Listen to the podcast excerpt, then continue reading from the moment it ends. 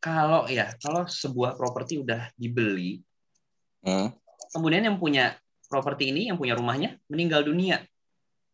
Nah itu gimana tuh?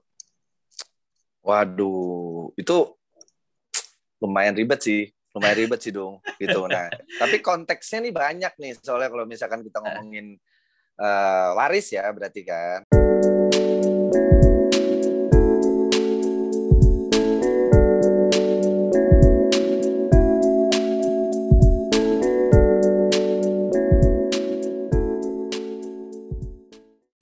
Oke, selamat pagi semuanya. Hai, Selamat pagi.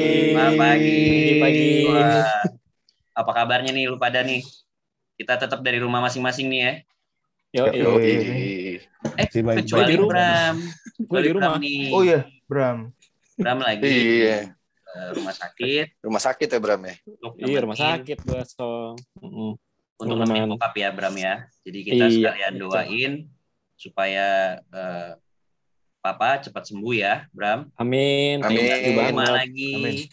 bisa Amin. beraktivitas kembali lagi. Dan Thank you teman-teman. keren banget ya Bram ya, walaupun lagi di rumah sakit, lagi jagain Papa, tetap mau recording bareng ya. Eh, the show must go on ya. Bukan begitu? The Bukan show begitu, Mas. mas gosong. Bukan begitu Mas Gosong.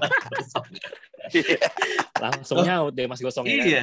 Ini kita- pas kan? kita kedatangan tamu juga nih ya kali ini ya kita nggak bertiga kita kedatangan tamu tamunya spesial banget karena ini adalah teman kita dari sejak lama ya teman teman main dari dari kecil cek kecil Cek. Masih segini. namanya Dimas Bramantio Kuncoro Yo. alias Gosong. Kita beririsan Halo, ya. halo. Gosong bermantio ya. Bramantio, yoi. Oh iya nih, ini sama-sama Bramantio nih. Jadi memang kita Berasa kembar akrabnya, ya. kita pak akrabnya Cuman biasanya kan Gosong. orang taunya gua gosong kalau enggak di Mas Kuncoro kan. Hmm. Teman-teman lama aja yang tahu di Mas Bramantio nih. Ya, Jadi ketahuan ya kita teman-teman lama nih ya. iya. Lama banget. Eh, Dimas atau yang biasa kita pak- akrabnya kita sapa dengan Gosong ini adalah eh, seorang pakar nih di properti nih, udah expert nih, khususnya di eh, Jakarta Selatan ya. Eh, ada di dalam naungannya Era Home ya, Gosong ya. Iya, nggak sebenarnya sih bukan pakar juga, Bro. Masih belajar juga. Cuman Asik. ya kebetulan udah agak lama aja. Cuman masih banyak yang jago-jagonya kan yang udah sepuh-sepuh, udah dengkotnya kan masih ada. Berapa Iya. tahun? Berapa tahun? Berapa tahun? Dari Sam? 2011 tuh berarti dua eh 10 tahun ya, Oh, udah 10 tahun ya. 10 Nah, tahun. Mm-mm. 10 tahun udah Lumayan. bangkotan lah, Pak. Udah senior. Iya. Ini Yang ilmu dari- padi nih. Yang dari Padi 92 semakin ada. Bos. Iya, Dua semakin tinggi ada. semakin merunduk nih. Gitu nih. Low profile banget nih buat Iya, nih. biasa merendah untuk meroket ya. Iya, ilmu padi nih. Kayak kayak harga properti aja meroket ya kan. Iya. Oke. Harga besok naiknya nih. Nah, Kita lihat nanti ya. itu kayak iklan mana ya yang Iya. hari Senin naik gitu kan? Ada tuh. Ada ya.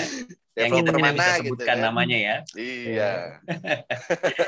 Nah, kita udah pastilah ya mau ngomongin soal properti nih gitu ya, terutama kita kaum millennials ataupun kaum Gen Z ya, mungkin yang masih usia 20-an mungkin sekarang nih yang lagi hot-hotnya kerja gitu ya, hot hot-hotnya bikin bisnis segala macam. Pasti ada nih kepikiran untuk beli rumah lah, beli apartemen dan kita eh, pengen ngobrolin lebih jauh nih soal properti ya, Song ya. Wah, boleh dong. Ya. Boleh. Apalagi kalian-kalian ini kan pasti kan mau invest-invest juga, mau beli-beli rumah juga kan. Pastilah. Sandang, sandang pangan papan masuk. Yo, masuk. i, betul, betul. Oke. Jadi gimana, Oke, gimana, oke. gimana? Apa yang kita mau Nah. bicara ini, bro? Mungkin dari gua dulu kali ya nanya ya. Ya. So, Gimana Om Vito? Nah kan kalau zaman sekarang nih pas pandemi ini kan katanya dengar-dengar ada DP-nya 0% nih. Nah, Hmm. Hmm. itu katanya kesempatan bagus, tapi beneran 0% nggak sih? apa jangan-jangan 0% dulu ntar belakangnya ada embel-embel yang lain. Iya, ternyata atau- ada ada ini ada Ada. udang di balik bakwan ya. Nah, sebenarnya gini ya bro ya kalau ngomongin pandemi itu kan sebenarnya banyak kebijakan ya kebijakan tapi eh, masih dikaji semua sebenarnya ya.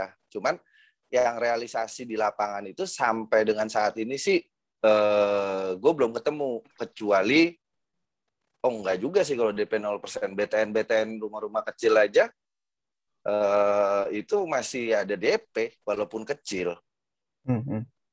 apalagi kan sekarang kayak kemarin 2020 kan eh, bank banyak yang jatuh tuh sana sini jatuh dia kan pasti ngeluarin kebijakan di dalam company mereka itu untuk eh, lebih selektif untuk ngasih kredit ke orang nah itu yang kita alami sekarang apalagi kayak kemarin tahun 2020 waduh mau kredit apa namanya eh, setengah mati deh klien gitu mau kredit dari bank A, bank B, gitu, bank C, gitu kan. Wah itu setengah mati deh. Gitu. Jarang, jarang ada yang bisa di approve. Berarti tapi ini kesempatannya bagus ya kalau sekarang ya istilahnya kalau beli properti sekarang ini. Kalau buat beli, kalau lu ada dananya, ya bagus, bagus banget. Karena sekarang banyak ke apa namanya, cuman eh, yang murah-murah itu yang nominal-nominal rada gede. Hmm. Kebetulan kalau untuk kayak kita kita gini mungkin masih mikir tuh untuk keluarin duit segitu gitu kan. Begitu keluarin duit segitu cash flow hancur langsung. gitu.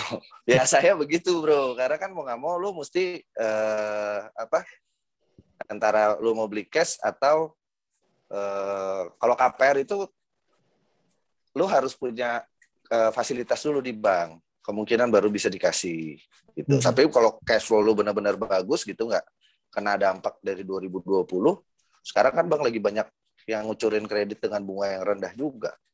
Karena Hmm. kebijakan pemerintah mengenai itu kan udah udah dirubah lagi tuh, udah nggak kayak 2020. Jadi sebenarnya 2021 sekarang udah lebih fleksibel dibanding 2020 untuk beli rumah gitu Hmm. untuk KPR gitu. Nah, cuman Hmm. kalau momen beli sih sekarang. Jadi kalau seumpama ada orang nanya, "Waduh, gue mau jual rumah," ya momennya sekarang kalau mau jual rumah. Kalau mau beli rumah juga momennya sekarang. Loh kok bisa begitu? Ya tinggal eh, yang mau jual rumah itu lagi BU apa enggak. Kalau mau laku harus BU. Tapi kalau misalkan eh, nggak BU juga bisa laku nggak? Bisa, tapi bertahan dulu gitu loh. Tinggal tunggu waktu. Nice, nice, Soalnya nice. banyak juga loh ternyata ya primary primary kayak di Bogor, di Bogor, di apa namanya eh, Pamulang itu yang sekitar 400 jutaan tuh laku Oh gitu. gitu ada kayak di Bogor satu developer yang dia bikin jalan baru jadi jalan tol gitu yang setelah Bogor Hmm. ya eh, tolnya apalah gitu gue lupa namanya dia Bocini. bikin tuh Eh, bukan ya? gue gue lupa jalan keluar itu kalau nggak salah sebelum Ciawi ya nah, gue lupa Hmm. deh namanya apa gitu kan nah, nah, itu laku banget I see. Hmm. Jadi dibikin Sa- sayangnya- jalan tol apa? khusus ya, exit tol khusus jadinya ya untuk untuk rumah iya ini gitu ya. Wah, benar untuk perumahan ini mereka bikin jalan tol khusus jadi begitu keluar langsung sampai ke eh, apa namanya apa ya kalau ya. dibilang kota Madia lebih gede dari klaster sih karena konsepnya nih lumayan gede Kawasan juga. gitu ya. kawasan kayak Ya. apa ya dibilang kota satelit tapi lebih kecil gitu kan Hmm. dibilang klaster juga gede juga Gede gitu. juga. Berarti kalau Gitu. menurut Om Gosok nih slogan yang dulu tuh kalau pilih rumah tuh slogannya tuh lokasi lokasi lokasi itu masih relevan nggak sih? Relevan. sekarang juga lokasi jauh-jauh banget nih sekarang nih. relevan kalau menurut gue relevan ya tapi balik lagi kebutuhan buat apa buat invest Hmm. ya kalau buat invest ya kita mesti ngitung kan tapi kalau misalkan buat tinggal kayaknya sekarang orang-orang di Jakarta lebih banyak eh, ya kalau seumur umuran milenial gitu untuk beli di Jakarta dia mesti keluarin budget gede kan? Ya mau nggak Ya. mau dia di Jakarta mereka sewa di tempat lain dia mereka harus tetap punya aset. Hmm. masa mereka nggak mau investasi gitu kan? Ya kayak kalau kita lihat nih zaman dulu deh zaman dulu eh ya kayak kita ngomongin Pondok Indah deh. Kebetulan gua dari kecil tinggal di Pondok Indah. Dulu bokap eh, nyokap gua ti- tinggal di sini itu tuh harga per kafling itu 40 juta wow. Itu tuh tahun ya. berapa ya? Tahun 8 lima 85, deh kalau si 85. kalau gua nggak salah ya tahun 85 tuh belinya. Nah, di sini masih kebun karet. Dan aktivitas mereka bukan di sini. Aktivitas mereka itu kebanyakan di kayak bokap gua aja kantor di Cilincing. Dulu Hmm. yang masih kebanyakan tuh daerah-daerah Pancoran, Mm-mm. terus Jakarta Selatan tuh bilang dibilang Jakarta Ujung, nggak ada aktivitas ya, nggak ada yang menarik dulu di Nggak Jakarta aktivitas. Selatan ya. nggak ada SCBD belum ada gitu kan soalnya Ya. udah dari zaman dulu kan kebanyakan di Tamrin, Hmm, hmm, terus Kuningan, Pancoran, mengarahnya tuh ke sana. Makanya akses apa area mereka itu yang mahal Menteng zaman dulu. Kebayoran aja masih di bawah PI. PI itu naik kan gara-gara developernya bagus.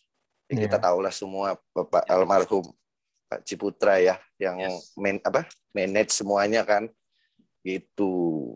Iya, iya, iya. Makanya kalau supaya ditanya lokasi-lokasi lokasi balik lagi kebutuhan. Hmm, Tapi kalau ditanya harus punya rumah nggak? Ya harus sih kalau menurut gua. gitu. Even lu sekarang nyewa gitu ya atau lu punya rumah kecil gitu ya. Kecil tapi nanti eh, lu ada duit lagi beli lagi sampingnya, ada lagi beli lagi sampingnya di sana. Karena eh, jumlah penduduk kan makin nambah nih. Iya. Iya, iya, iya, iya, iya. Atau Tapi beli di ini di mana namanya? Yang mau jadi eh, yang mau jadi ibu kota negara tuh beli di sana aja invest. Sekarang lagi banyak tuh di sana tuh. Iya, iya, iya, iya, iya, iya. Nah, itu kalau menurut lu masih high rise apa sekarang malah balik lagi ke landed nih?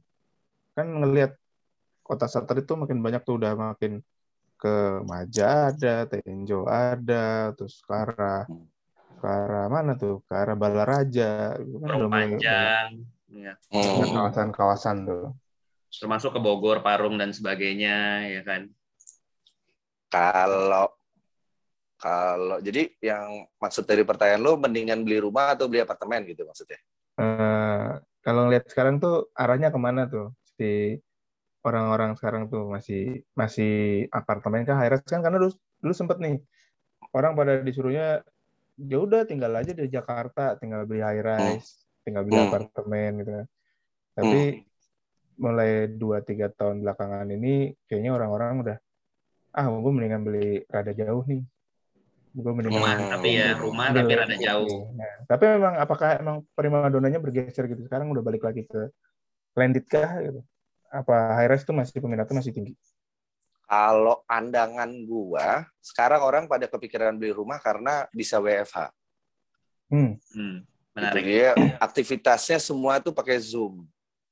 Kayak Nah, sekarang tapi nih. kalau seumpama, iya kayak sekarang ini aja gitu. Lu dari rumah, dari mana-mana gitu kan kita bisa mau jam berapa aja lu tetap bisa gitu kan. Mau mau mau meeting di mana gitu lu tetap bisa gitu. Apalagi kalau seumpama lu lu eh, di perusahaan yang rata-rata koneksinya itu orang-orang milenial gitu kayak perusahaan-perusahaan startup nah yang kayak gitu gitu kan sekarang soalnya udah banyak banget kan Nah, cuman kalau memang lu harus bekerja di tempat yang menuntut lu untuk tetap masuk, pasti dia akan prioritas untuk eh, tinggal atau sewa di eh, high rise kayak apartemen gitu. Tapi tetap pasti dia akan pengen punya rumah. Karena sebenarnya kalau misalkan kita ngomongin nilai investasi ya, rumah sama apartemen, apartemen ya sebenarnya menarik. Banyak orang beli dari dia gambar tahap pertama, tahap kedua dibeli begitu jadi dijual. Itu juga bisa bentuk Hmm. investasi apartemen juga gitu. Cuman kalau sebab memang lu mau pakai apalagi rumah pertama apartemen menurut gua rugi Hmm. gitu. Hmm. Ruginya di mana? Karena lu nggak punya tanahnya. Punya sih, cuman dari segitu eh, misalkan apartemen eh, areanya dia landnya ada eh, 5.000 meter persegi. Ya, cuman satu tower aja lu ada berapa ribu orang gitu kan. Nah, iya tuh. Benar. Iya kan karena sertifikatnya dia itu stratanya set, setrat, Tato. strata title. Jadi dia Ah. SHM di atas HGB Iya, betul betul. gitu. Warnanya aja pink. Beda sama sertifikat HGB atau SHM yang kalau rumah Oh iya iya. iya. itu Betul, betul, betul, betul. Kalau SHM rumah emang warnanya apa? Kalau itu kan pink, hijau. Hijau. Hijau apa ya? Telur asin. Hmm, oke. Kalau belum kalau belum ini ya, kalau belum apa? Belum lama. Kalau udah lama. kalau baru sih masih hijau. Kalau udah lama nggak tahu jadi apa. Kalau rumah udah puluh, udah belasan puluhan tahun sih ya hijau telur asin, apa biru telur asin ya jatuhnya. ya. Udah jadi biru. Kirain ujung-ujungnya coklat juga ya. tatonya. Jadi antara pink sama hijau setelah 10 tahun sama-sama coklat juga nanti. Sama-sama coklat juga. Sama-sama jadi buluk juga lah. Kalau udah 10 tahun Kalau berarti coklat lebih kalau nggak hilang, lebih untungnya apartemen karena ujung-ujungnya jadi coklat juga. udah jadi coklat juga. Nggak, nggak bercanda aja bercanda. Tetaplah ya, eh, untungan ya punya tanah sendiri Landed ya, ya. punya rumah. Iya, karena sebenarnya kalau misalkan kita ngomongin hitung-hitungan, nah ini menarik nih menurut gua nih. Eh, rumah itu kalau lu nggak tinggalin, ya tetap dia ada biaya maintenance ya. Tapi maintenance itu lu mesti lu yang aktif ya. Kayak misalkan rumah kosong gitu, bocor atau apa namanya eh, tamannya berantakan, rumputnya tinggi gitu, harus lu yang aktif kan. Mm-mm. Tapi lu yang bisa kontrol semuanya. Ya kan? Jadi lu bisa panggil tukang apa segala macam, bocor lu bisa buru-buru orang apa namanya? orang lu ber- beres be- benerin gitu kan. Tapi kalau apartemen lu setiap bulan lu bayar service charge atau sinking fund di situ. Terus apa namanya? eh, listrik, air juga lu bayar ya ke manajemen. Eh, dan dan angka angkanya itu biasa lebih gede daripada rumah. Kalau menurut gua Bener. itu air lu bayar, terus apa namanya listrik lu bayar, apa Keamanan, service charge lu fasilitas. bayar, keamanan semua fasilitas lu bayar. Tapi begitu ada apa-apa, kalau manajemennya bagus, enak langsung diberesin. Tapi kalau manajemennya kurang bagus, itu kan yang kita nggak tahu. Betul. After after sale service-nya si developer itu kayak apa gitu. Kalau developer gede sih oke lah semuanya udah pasti bagus. Tapi kalau developer yang setengah-setengah, Mm-mm. iya Ya, bagus. itu. Siap, siap. Dan Oke. itu nggak ketahuan ya kalau apartemennya belum jadi dan belum running, kita nggak bisa nggak bisa tahu tuh manajemen si apartemen seperti apa kan ya.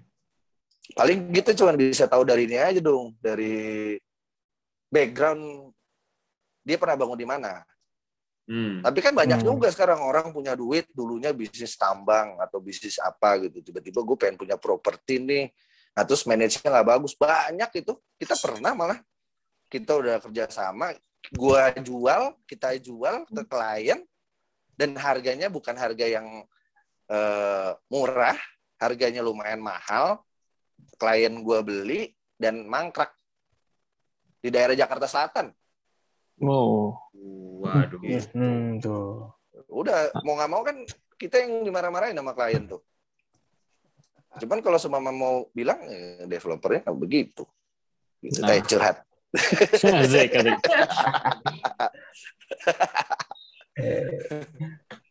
Eh, itu kalau Gitu. terakhir kalau dari gue sih sekarang yang hot di mana nih? Daerah-daerah mana nih? buat apa nih Untuk invest buat ya? ki- Untuk kita invest, kita invest. milenial ya Iyalah. oh, daerah-daerah Pamulang Jagakarsa eh, yang pinggir-pinggiran tapi masih masuk dekat-dekat Jakarta atau Hmm. mungkin eh, Bogor tuh tapi yang developer-developer yang gede yang pokoknya gini eh nyebut nyebut merek nyebut daerah ini ya. BSD deh zaman dulu. Ini yang nama daerah ya bukan nama developer kan ya. Ya walaupun ya daerahnya gitu. Dulu? Inisial aja inisial, inisialnya BSD ya. BSD. ya, inisialnya BSD gitu kan. Lu lu tahu kan dulu orang eh, apa namanya bilangnya BSD itu tempat apa sih? Jin buang anak lah buset lu beli properti jauh banget lah di sana gitu kan ya kan cuman mereka mereka ini developer developer besar dan bagus ini mereka tahu untuk ngidupin satu area itu mereka mesti siapin apa aja sih gitu Ya, betul. Betul, betul, betul. Nah, makanya kalau misalkan lu lihat eh, BSD bagus. Bintaro Bintaro lu bandingin gini deh. BSD baru ya. Bintaro sama Cinere. Orang lebih suka tinggal di mana? BSD. Bukan Betul. Bintaro sama Cinere. Oh, Oh, antara Iya, Bintaro sama BSD. Cinere. Ya Bintaro lah. Iya. Bintaro, Bintaro, Bintaro. kan. Nah, cuman dulu Bintaro sama Cinere sempat seimbang tuh. Mm-mm. Bener. Sempat seimbang karena developernya stop, nggak ngembangin lagi. Belum, belum ngembangin lagi waktu itu. Ya kan? Nah, begitu developer yang ngembangin lagi, baru naiknya gila-gilaan sekarang. Oh, Nah, iya. tapi kalau misalkan lu lihat Cinere, lu lihat Cinere itu kan, nah, ada anjing gue berisik. Mungkin itu Nah, kalau misalkan- dari Cinere dia. Ah, dari Cinere makanya dia Eh, marah. merasa, bang, itu tempat tinggal gua bang. nah, tapi kalau misalkan lu lihat Cinere, karena developernya beda-beda, bukan satu company gede, begitu jadi, begitu habis, udah ditinggal dan diserahin sama eh, lingkungan mereka-mereka ini biasanya kan paguyuban itu ya Hmm. Eh, apa namanya paguyuban lingkungan gitu atau RT RW gitu kan ya kalau mereka nggak bisa manage ya kurang tapi kalau mereka bisa manage bagus Iya, Gitu. sama kayak sama kayak komplek gua, Song. Taman Alpha Indah tuh kayak gitu. Jadi developernya Nah. tuh udah nggak ada. Jadi kayak udah Nah. pribadi aja ya gitu tuh. Jadi RT RW sayang aja. kan sebenarnya Heeh. Ditinggal gitu Cuman aja ya, bener. Komplek-komplek zaman dulu gitu kan? pintar warga Iya. apa Komplek-komplek Kenapa, zaman kenapa? dulu kan emang begitu kan? Iya Komplek-komplek zaman dulu tuh emang begitu. benar setuju gue cuman Hmm. kalau misalkan ada yang dago gitu kayak kalau lu lihat Bona Indah terus apa ya Bona Indah itu nggak ada matinya loh orang pengen banget tinggal di sana terus eh, itu, itu eh, Bona Indah terus kayak mana lagi ya Samora. Gitu Samora itu kan daerah Cip- Cipete. Sekarang Hmm. gila per meternya udah berapa di situ? Apalagi dulu pas dijualin ingat banget tuh waktu itu gue jual daerah-daerah situ sekitar 2012 masih awal-awal banget gue di di era home kan. Nah mau nggak mau jualin itu juga kita bingung gitu kan. Antasari macet eh, Fatwati macet gitu kan tapi sekarang udah jadi gila-gilaan orang ny- banyak yang nyari di sana gitu Sip, sip, sip. Lanjut, Bram. Lanjut ya, Song ya. Tadi ini udah oke ini nih apa yang mau gue tanyakan tadi udah sekilas-kilas tadi yang menarik tuh developer setengah-setengah tuh kan. Jadi Eh, ya ini menarik nih jadi pengen gue dalamin. Ya kan sekarang jadi memang benar sih. Eh, developer kan tuh properti makin banyak ya. Kayak tadi di Betul.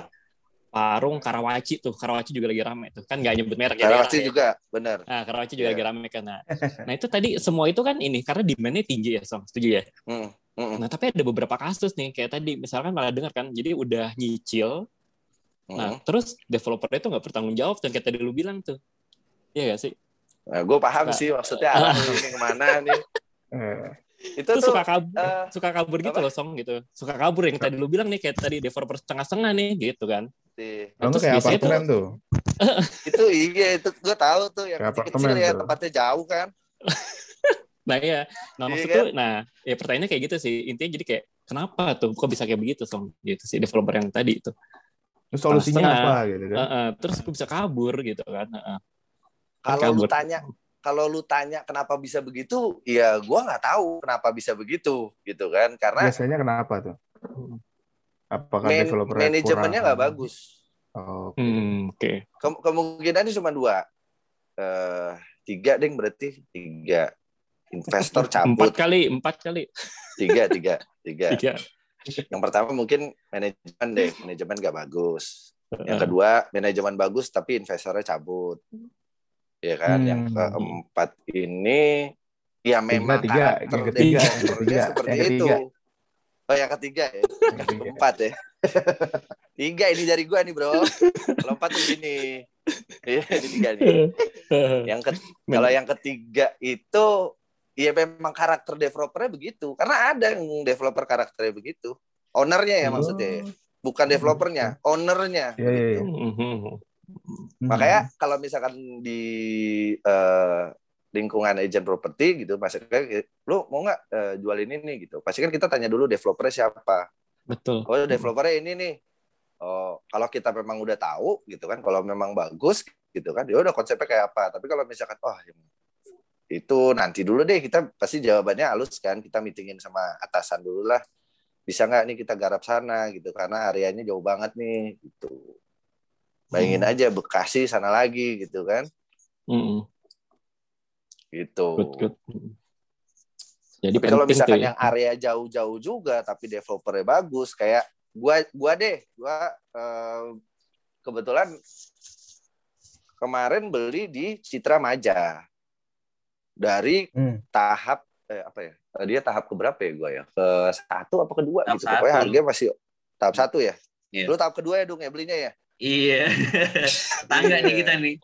Iya, makanya gue beli tahap pertama gitu kan. Nah, ya belum lu ke sana aja buset baru baru cuman gerbang doang gitu loh. Wah. gitu. Tapi karena developernya jelas gitu kan, ya kita tahu lah orang gede dan dan dia banyak bangun di mana-mana dan jadi Yes. jadi apa ya jadi maju semua ya kita pede Hmm, Oke. gitu. Ya tahu lah Ya. Citra Maja kan siapa developernya kan. Ya, kayak kayak tadi ya, kayak yang tadi lu sebut ya Song ya. Kayak kita Ya. waktu kita ma- masih sekolah dulu ngelihat BSD itu rasanya jauh banget gitu ya. Atau orang tua kita tadi kan eh, bokap lu waktu beli Pondok Indah itu rasanya masih ya masih kebun karet semua, orang aktivitas masih jauh. Selalu pas kita Benar. beli itu rasanya jauh gitu kan. Termasuk kita nih ya yang kita beli di Maja ini rasanya Benar. jauh, tapi kita kan berpikirnya ya 10 tahun lagi dan seterusnya ya. Bener, disimpan aja gitu kan. Gua apa dikasih tahu sama eh, apa namanya manajemen sana kan mesti bayar iur- iuran lingkungan kan, difotoin rumah gua, buset. Wah Gimana? itu udah udah hitung tanah kali itu, udah hancur. Dari dari serah terima sampai sekarang gua belum ini, belum belum ke sana, belum Berarti kayak di lagi. film- Serah kayak di terima aja film-film gua di ini ya? BSD. kayak di film-film yang udah kena apa eh, bencana gitu ya Iya. Iya, cuman sebenarnya sayang juga sih maksud gua sayang tuh karena kalau seumpama memang dibiarin begitu atau mending dihancurin sekalian gitu. Karena kalau dibiarin begitu ngaruh ke lingkungan samping-sampingnya gitu. Kemungkinan kalau misalkan ada orang yang tinggal di sana atau sewa di sana gitu, harganya jadi turun. Ah, kesannya kumuh. Gitu. Itu itu Hmm. input dari Bonyok sih kemarin kalau bisa dibersihin aja. Kalau mau dihancurin, hancurin sekalian. Gitu. Betul betul.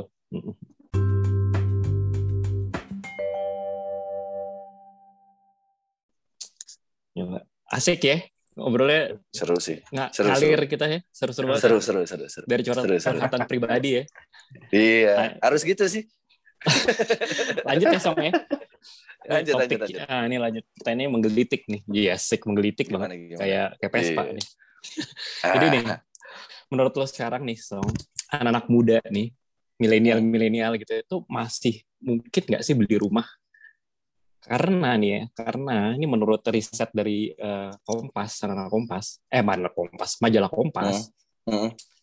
semakin sulit loh milenial itu beli rumah, gitu. Hmm. Nah, makanya ini, makanya ini, ini eh, kan lu kan sebagai expertnya nih ya gitu. Kira-kira gitu. Tadi pertanyaan gue pertama gitu, masih Hmm. mungkin nggak sih beli rumah dan tipsnya gimana nih Song buat para milenial nih gitu supaya bisa beli rumah Hmm. gitu. Mm-mm. Jadi ada Kalau dua pertanyaan kalau- itu ya. Tadi apa namanya? Eh, mungkin nggak milenial bisa beli Ah, ah. rumah. Terus Yes. satu lagi? Terus eh, karena menurut riset kan tadi semakin sulit. Nah, lu kan Oke. udah expert di bidang properti. Lalu solusinya Hmm. gimana nih buat anak-anak milenial Oh, yang solusi ya. Iya pengen banget Solusinya. nih gitu. Heeh, gitu. Hmm. Tips-tips lah gitu. Sebenarnya kalau seumpama kita ngomongin berita yang ada di Kompas itu, ya eh, gini ya. Gue nggak bilang itu salah, gue juga nggak bilang itu benar. Balik lagi ke persepsinya kita. Kayak misalkan nih, eh, apa namanya, kita ngomongin corona deh, gitu kan. Berita yang jelek ada, tapi berita yang bagus juga ada. Nah, lu mau mau mau mau mau, mau nangkep untuk terima informasi ke otak lu itu yang mana? Balik lagi ke si Iya. mili- mil- millennials itu mau terimanya yang mana? Cuma kalau ditanya bisa nggak milenial beli rumah gitu? Menurut gue bisa-bisa aja bro. Toh sekarang eh, kayak apa namanya eh apa apa ya pendukung-pendukung lu untuk cari duit itu lebih gampang sekarang dibanding zaman dulu itu kan. Cuman pertanyaannya lu mau beli di mana? Hmm. Hmm. Ya kalau misalkan Nah, milenials baru mulai kerja, lu mau beli di Menteng ya, aduh, lu mau beli di mana? Pondok Indah gitu kan. Mau luas berapa? Seribu meter. Aduh, yang bos-bos gede aja baru pada punya. Ya kan gimana kita yang milenial. Jadi pertanyaannya itu, jadi jadi konteks berita itu tuh eh, apa namanya ya apa ya kita nangkepnya tuh gimana sih kalau menurut gue kalau misalkan kayak kayak gua gitu kan hitungannya kita milenial bukan sih Iya Iya dong. Wah, udah pasti. Anak muda lah kita, trendy dan masa kini. oh, gini bukannya sombong ya gini-gini walaupun kecil punya rumah Yo, ya kan? Iya. itu udah dari dulu gitu kan? Keren. itu kalau ditanya apartemen punya walaupun masih nyicil. Good, good. gitu gitu. Jadi balik lagi ke eh, lu ngatur cash flow juga gitu kan? Hmm. sama ya mimpi boleh punya rumah di tempat yang bagus gitu kan? Cuman ya kita mesti atur juga lah kalau tiba-tiba dapat rezeki gitu kan dapat apa namanya dapat rezeki tiba-tiba segambreng gitu ya lu mau beli terserah gitu cuman kalau misalnya mesti ngatur cash flow kan ya kita pinggir-pinggir aja judulnya yang penting Hmm. punya rumah kan Good point. Hmm, hmm. gitu Itu udah menjawab banget sih. Jadi tipsnya kayak gitu ya. Sesuaikan tadi budgetnya juga lokasi lah, nggak usah yang kayak muluk-muluk banget gitu kan. Pinggiran nggak apa-apa gitu. Yang penting ada rumah dulu gitu ya. Ya. Bener. Nice. Sama ada satu lagi nih. Kebanyakan orang begitu punya rumah, dia langsung berpikir gue harus tinggal di sana. Hmm. Sebenarnya kan nggak juga. Iya kan. Hmm. Banyak kok orang-orang yang punya rumah di mana gitu, tapi gede gitu kan, atau di pinggir-pinggir gitu, tapi gede gitu di Jakarta dia masih ngekos. Banyak Oke. juga gitu. atau dia masih kontrak Hmm, gitu. Hmm. Betul. Gitu Nice, Bapak. nice. Thank you banget loh, Song. Ini mungkin gue lempar lagi ya, gue passing Iya. nih. Set, cedung. passing lo dong. Tangkap, tangkap ya. Tag team, tag team, Alfa tag team. Bintaro nih. Alfa Indah Bintaro, Joglo, Joglo Bintaro. Tapi Silakan, masih Bintaro. nyambung nih. Masih nyambung sama yang Ah, Bram. gimana gimana? Ada nggak sih milenial gitu ya yang seumuran kita tapi beli rumahnya di Pondok Indah? Ada ada ada nggak? Banyak. Wah, nah Wah. ini, ini fenomena yang menarik juga sebenarnya ya. Kata orang, wah zaman makin susah, makin wah tadi kan berita juga kan tadi kita lihat dari sisi mana kita mau lihat nih gitu ya. Hmm. Heeh. Banyak yang kesusahan beli rumah. Kenyataannya Hmm. anak-anak muda seumuran Hmm. kita banyak. Tadi lu bilang banyak ya beli rumah di Pondok Indah. Banyak. Kok bisa Banyak. ya gitu ya? Mungkin lu tahu nggak? Mungkin ada profesi-profesi tertentu eh, atau kayak Hmm. gimana sih ciri-cirinya mereka tuh? eh, apakah karyawan? Apakah emang emang pengusaha atau gimana? Ah, Youtuber mungkin ya, influencer? Eh tunggu tunggu, milenial itu tuh umur berapa sampai berapa ya? 40-an tuh masuk milenial nggak? Em, 40 awal, eh maksudnya kayaknya sih 30 sekian ya, 30 30 gua harus Google lagi nih. Itu masih inget kali ini. Eh, 39 jaraknya- lah ya. jaraknya milenial tuh sampai berapa ya? Karena Tar perkiraan dulu, aja dulu. Gua googling dulu, 40 kali googling. yang paling Nah, mentok. Kita- dulu. Kita mbah Oh. Google dulu ya, biar biar Google. enak Ini berarti dikat nih bagian ini nih. Oh, nggak usah. bakar nih. Lanjut Eh, oh, aja jangan. apa-apa. Natural aja. kita. Oh, 25 sampai Natura. 40. 25 sampai Berapa? 80 lah. 80 sampai 95. Berarti Tahun 80 ya, tahun 80 ya berarti 40 tahun. 40 Ya, betul. tahun. Nah, ya, berarti benar banyak Banyak gitu. Tapi rata-rata semua pengusaha. pengusaha ya, Hmm. karyawan. Tapi lucu. Kalau yang Tanpa karyawan 25 mengecilkan ya, tanpa mengecilkan profesi ya, karyawan ya. Ya, Yang pengusaha itu 25 kan dulunya ada? juga karyawan. Ya.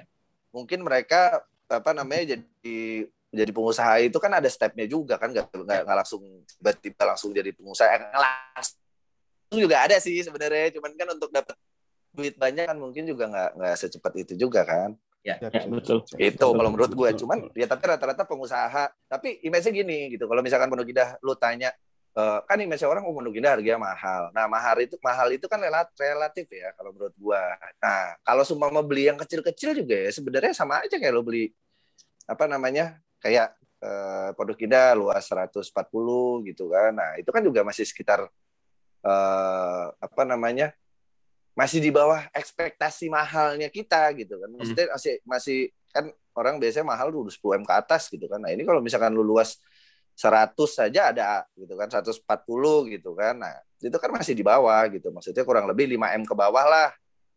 Mungkin dia udah kerja ber- berapa tahun atau mungkin dia udah berbisnis berapa tahun masa nggak ada saving segitu sih gitu maksudnya atau sebagian sebagian lagi KPR atau di Ah. mereka belinya patungan bareng sama istrinya gitu tapi yang dibeliin sama orang tuanya juga ada Mm-mm.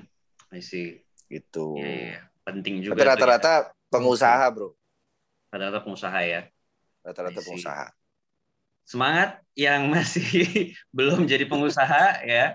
Semoga bisa beli rumah di Pondok Indah juga seperti klien-kliennya Gosong ya. Song, ini menarik ya. ada yang menarik nih nih Nah, nih sorry nih gue nah, potong lu nih ya ada yang menarik nih ini, menarik nih nih. Gue punya klien. Klien gue itu dia eh, pedagang di Tanah Abang. Beli rumah Wow. di Pondok Indah eh, beli rumah di Pondok Indah dia punya eh, yang gue tahu sih ada dua tapi kalau dia punya lagi gue nggak tahu ya. Gitu dia pengusaha dagang. Dagang di eh, apa namanya Tanah Abang ya kan? Nah bisnis online juga ada. Jadi kita nggak boleh mengecilkan. Padahal jualannya tuh ya elah. Apa ya? Eh, baju baby baju bayi. Ya pokoknya peralatan bayi deh baju bayi dot apa segala macam. Wah. online dia cerita dulu dari di kosan terus akhirnya dia untung gitu kan. Dan tapi itu prosesnya cepat dia ceritanya dia ya.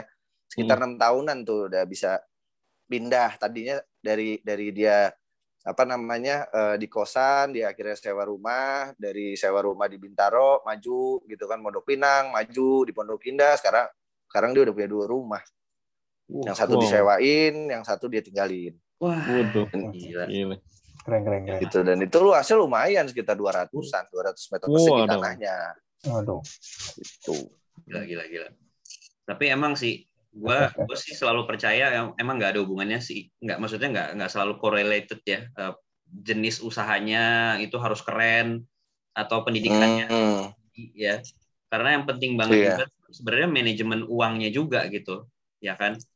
Eh, setuju gua mungkin mungkin ada juga yang istilahnya artis ya baru-baru jadi artis gitu kan itu juga kadang-kadang ada yang kaget gitu kan eh, dengan uang yang Hmm. tiba-tiba jadi menurut gue itu keren banget sih cerita lu tadi Song bahwa manajemen keuangan itu penting banget tuh iya gue setuju tuh.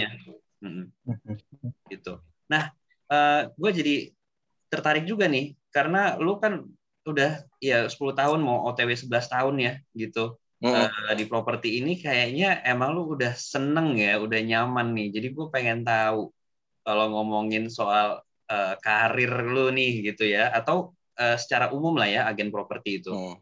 Boleh ceritain nggak sih? Eh, menarik ya kayaknya nih ag- sebagai agen properti, lu udah udah udah mendarah daging banget nih kayaknya nih, gitu. Hmm, kalau ditanya karir, sebenarnya agent properti itu karirnya itu bukan dari apa ya jenjang karir kayak lu di kantor gitu ya. Cuman semakin ke sini klien yang lu kenal tuh makin gede-gede. Sebenarnya sama aja kayak lu di, di kerja di mana gitu kayak misalkan lu ngomongin eh, di kalian ini asuransi gitu kan.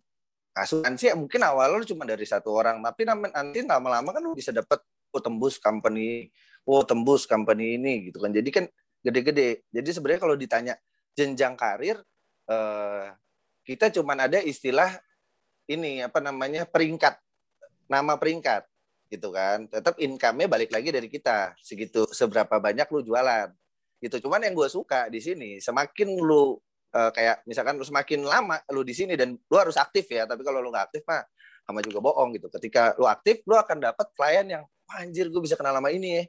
Wah anjir gue bisa kenal sama itu ya gitu. Lu bisa kenal begitu dan kalau seumpama sampai dia percaya lu, lu kerjanya bagus gitu kan. Wah itu nggak bisa dinilai pakai duit bro. Wah, Dia akan balik Hmm. lagi ke lu, balik lagi ke lu, balik lagi ke lu. Yang paling penting kan itu. Ya. Trustnya mereka untuk Nah, iya. eh, apa namanya bisa percaya sama kita. kepercayaan itu kunci dalam bisnis ya sebenarnya Song ya. Mau bisnis apa pun ya. Benar, benar. Eh, kalau Benar, setuju. kepercayaan itu udah hilang, nah itu udah anggaplah karir lu udah hilang aja udah gitu ya. Bisnis lu udah hilang ketika Benar. itu juga ada hilang. Eh, Benar. dan lu mungkin sekarang juga perlu talenta-talenta baru juga nggak sih di di properti ini gitu. Lu mencari juga nggak sih eh, tim juga nih yang yang join sama lu gitu sebagai konsultan juga di di properti nggak? Oh ya perlu dong. kita perlu buat marketing-marketing baru apalagi anak-anak muda yang pengen dapat apa namanya income tambahan ya di samping income dia yang udah punya sekarang itu join aja ke kita karena di era home itu enaknya eh, karena mungkin awalnya dia sistemnya udah udah jelas kita dari era Indonesia udah ada gitu dan sekarang kita udah makin mantepin untuk kita pakai jadi ibaratnya kalau dulu mungkin awal-awal gua barang gua mesti nyari sendiri klien kita nyari sendiri nah kalau di sini ini barang ada nih gitu dulu tinggal jualin aja deh gitu Oh, gitu. Enak Hmm. banget ya. Jadi Hmm. sekarang makin mudah juga ya buat buat eh, teman-teman kali ya yang dengerin ini juga ya, yang tertarik mungkin ya punya income yang ah ini sih gue yakin gede lah gitu ya. Ngomongin properti kan kita ngomongin persentase dari biaya dari si harga propertinya itu aja gitu. Jadi eh, ini bukan bukan angka kecil nih bisnisnya nih. Jadi bisa nanti hubungin Gosong ya atau Era Home nih ya di di, di Era Home ini siap eh, untuk menjadi hubungin nomor di bawah ini. Nomor di bawah. Nggak ada di bawah sini nggak ada. gitu ya bisa ya hubungin Gosong ya gitu nanti bisa eh, coba. Ini menarik banget dan properti juga selalu berkembang dan harganya juga selalu naik. Hmm. Dan mungkin eh, pertanyaan terakhir gue ya, gitu, ya, dari gue, karena ini mungkin juga related nih sama eh, my personal life nih. Nih. Hmm. Em, kalau ya, kalau sebuah properti udah dibeli, Hmm. kemudian yang punya properti ini, yang punya rumahnya meninggal dunia. Nah itu gimana tuh?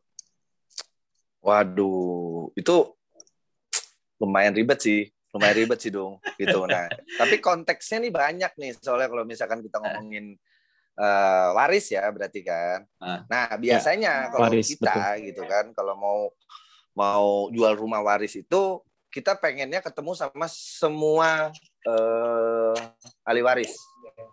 Hmm. Atau mungkin nggak harus semua gitu, maksudnya kayak minimal ketemu satu-satu gitu kan, atau mungkin eh intinya mereka harus sepakat dulu karena pernah dan sering gitu kebanyakan kalau seumpama kita jual waris itu biasanya konfliknya di internal mereka. Harganya nggak mau segitu gitu kan. Gua nggak mau segitu gitu kan. Dia dia nggak mau. Ditawar udah ada yang serius. Ternyata salah satu dari ahli warisnya eh, nggak sepakat. Itu kalau kita ngomongin harga ya Ya. kan. Dan yang kedua itu sertifikat misalkan nih dong ya, kita kita kita mau ngomongin konteks lu nih ya berarti ya. Ya. Ya. Eh, atas namanya atas nama siapa? Bokap Eh, nyokap bokap, almarhum bokap nih, oke bokap. Eh, lu berapa bersaudara berempat, berempat plus nyokap? Plus Iya nyokap. Hmm.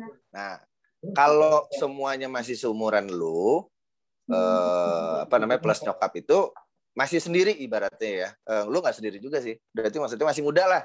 Hmm. masih belum menikah gitu kan. Nah itu eh, masih agak nggak nggak nggak apa namanya nggak nggak terlalu ribet tinggal dibalik nama waris. Tapi kalau sumpah salah satu dari saudara lu ada yang udah nggak ada juga nah itu akan waris lagi ke anaknya lagi sama istrinya.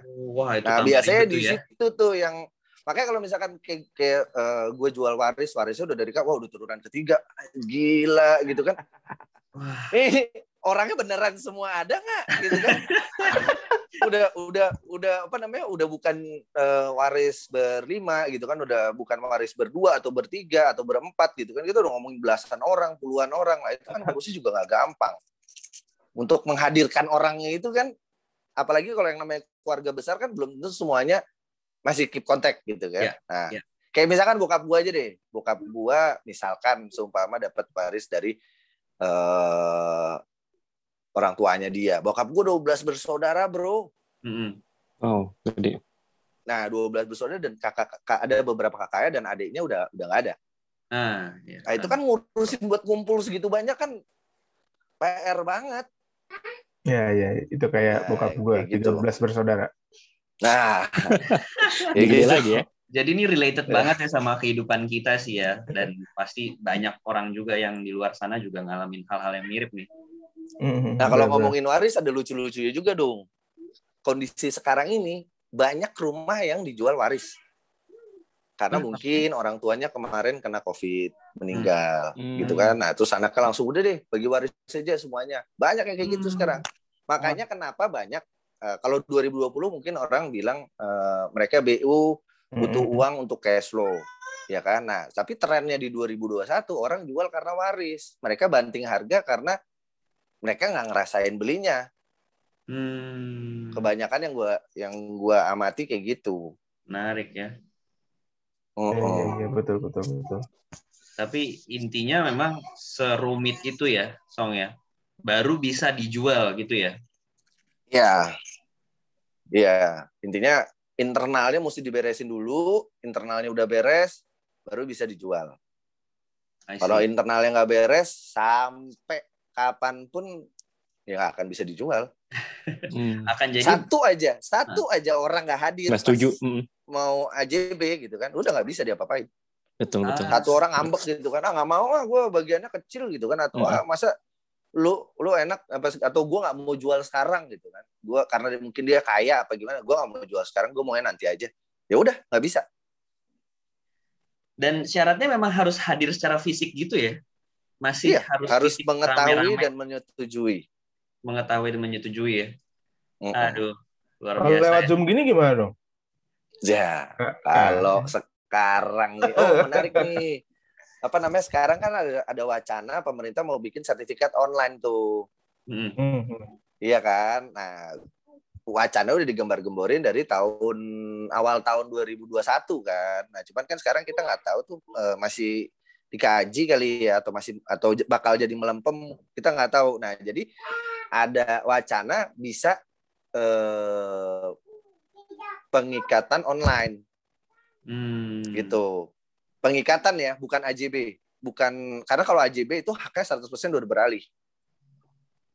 Gitu. Kalau pengikatan belum beralih. Jadi belum bisa dibalik nama, belum baru kayak tanda jadi atau segala macam. Nah, itu mungkin bisa online. Tapi kalau seumpama udah nominal-nominal gede karena saat ini undang-undangnya masih notaris harus menyaksikan kedua belah pihak menandatangani gitu atau mungkin kalau kayak kemarin pas 2020 eh, gua ada transaksi orangnya itu ada di Singapura Oke. gitu kan. Nah, jadi dia tanda tangan dari sana pakai konsulat sana. Eh, sorry bukan Singapura, Australia. Gitu. Australia kan waktu itu kan ketat banget ya untuk eh, ngeluarin orang atau masukin orang waktu pas 2020 itu lagi setengah mati tuh. Jadi mereka Iya, nggak betul. bisa ke sini sama sekali nggak bisa ke sini. Gitu. Nah, sertifikat aja dikirim Hmm. gitu. Dikirim waktu kemarin tuh pakai FedEx. Wah, itu kita Hmm. deg-degan itu ngirim sertifikat dari sana yang proses sehari sampai itu ditungguin dari pagi sampai apa malam dek dekat nggak bisa tidur itu gua. Gitu. Eh kita takutnya kalau sertifikatnya nggak nyampe atau hilang wah. Tapi untungnya nyampe. Terus tanda tangannya di sana pakai video call. Nah Oh. disaksiin sama konsulat sana di sini disaksiin sama notaris di sini.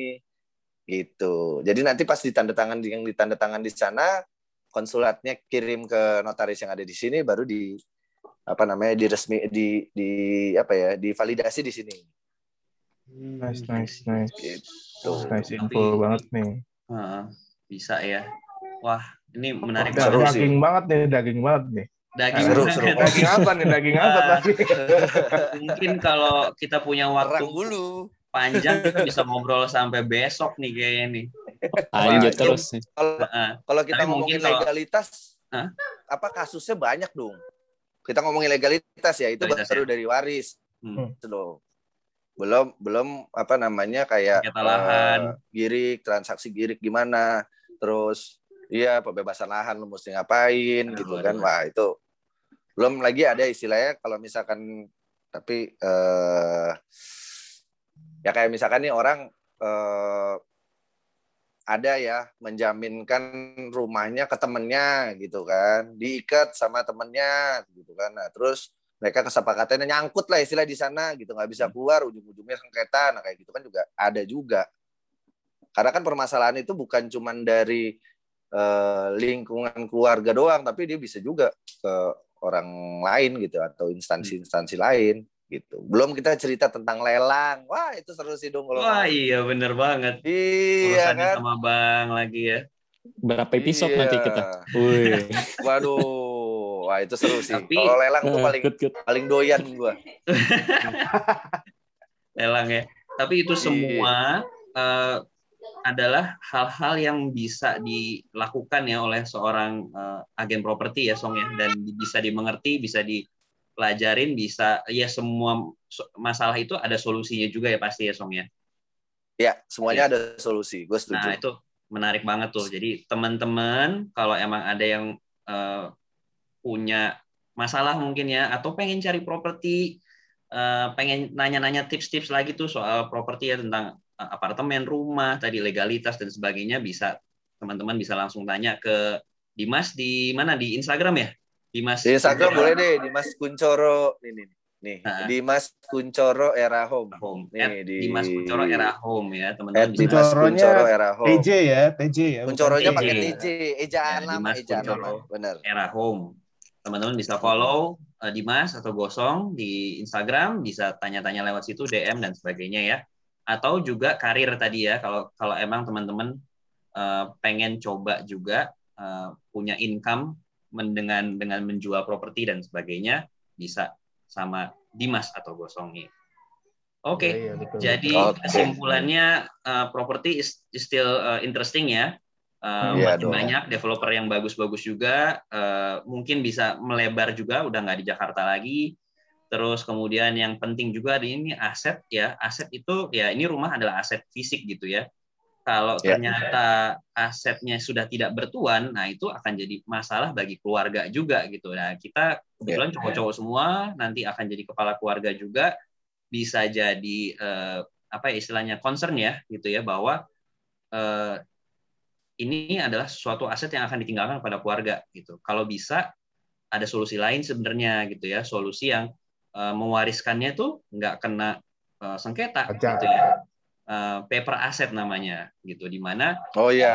Eh, ini adalah ya, ya. sesuatu yang adil, semua tertulis, dibagi rata ya, gitu. Misalkan punya 12 anak, mau punya 10 anak, Hmm. mau punya satu anak, gitu semua jelas gitu ya, mau di mau di Hmm. Eh, wariskannya berapa nominalnya tanpa terpotong pajak juga gitu. Hmm. Dan itu eh, di provider kita pelajarin itu gitu ya, dan kita juga punya solusinya juga gitu. Jadi teman-teman punya properti fisik itu pasti banget. Kita semua pasti pengen punya rumah.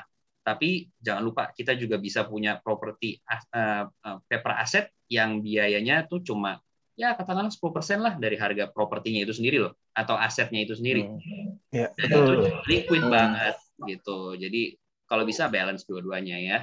Mungkin dari teman-teman ada yang mau nambahin nggak nih? Sebelum kita tutup. Udahlah, cukup lah. Ini Cukup mantap. udah, wah, gila. Sama satu lagi sih kalau semama kalau mau gue tambahin tuh Boleh. eh, kita harus jadi low profile high profit. Jangan Uh. pernah jadi low profit high profile. Karena sekarang banyak yang kayak gitu. Yes. ya kan? Hmm, Itu yang Nah. bikin cash flow berantakan. Karena gue dulu pernah jatuh gara-gara begitu. Banyakan mabok. Iya. Disebutin. Jasad kali, jasad. Jarang sadar. ya. Jarang sadar nih iya, itu dia. Lifestyle bahaya lah pokoknya lah. Kita mesti sederhana Benar. aja lah. Benar. Kalau lifestyle tinggi harus punya safety net-nya dong. Asik. Iya. Benar. Iya. Kalau emang mau menjaga. Kalau mau menjaga lifestyle yang tinggi itu ya pasti punya proteksi yang tinggi juga supaya lifestyle itu nggak turun nantinya. Iya. Iya itu benar. Gue setuju. Even lo udah tua, tetap safety net-nya masih bisa jaga lah ya. Masih Benar. bisa Iya. minum lah dikit-dikit lah.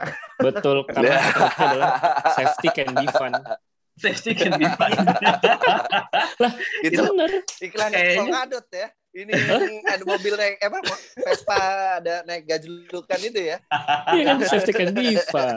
Iya gak, teman-teman? Iklannya masih terngiang-ngiang ya. iklannya. Iya tuh. Jadi kalau bisa jalanan gajlukan tahu aja terus ya. iklan. Gue gak nyebut ya. dibetulin. Gue gak nyebut merek. cuman gitu, langsung pikiran kalian. Iya. Ini kita ngomongin apa sih? Dibuka pakai iklan, tutup dengan iklan ini. Iklan juga. Oke, thank Oke, you banget thank you Gosong banget. ya Thank buat you, waktunya. You, you. Sukses Siap. terus juga karirnya.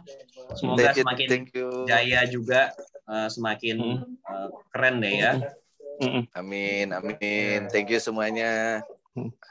Oke. Thank you ya Song ya.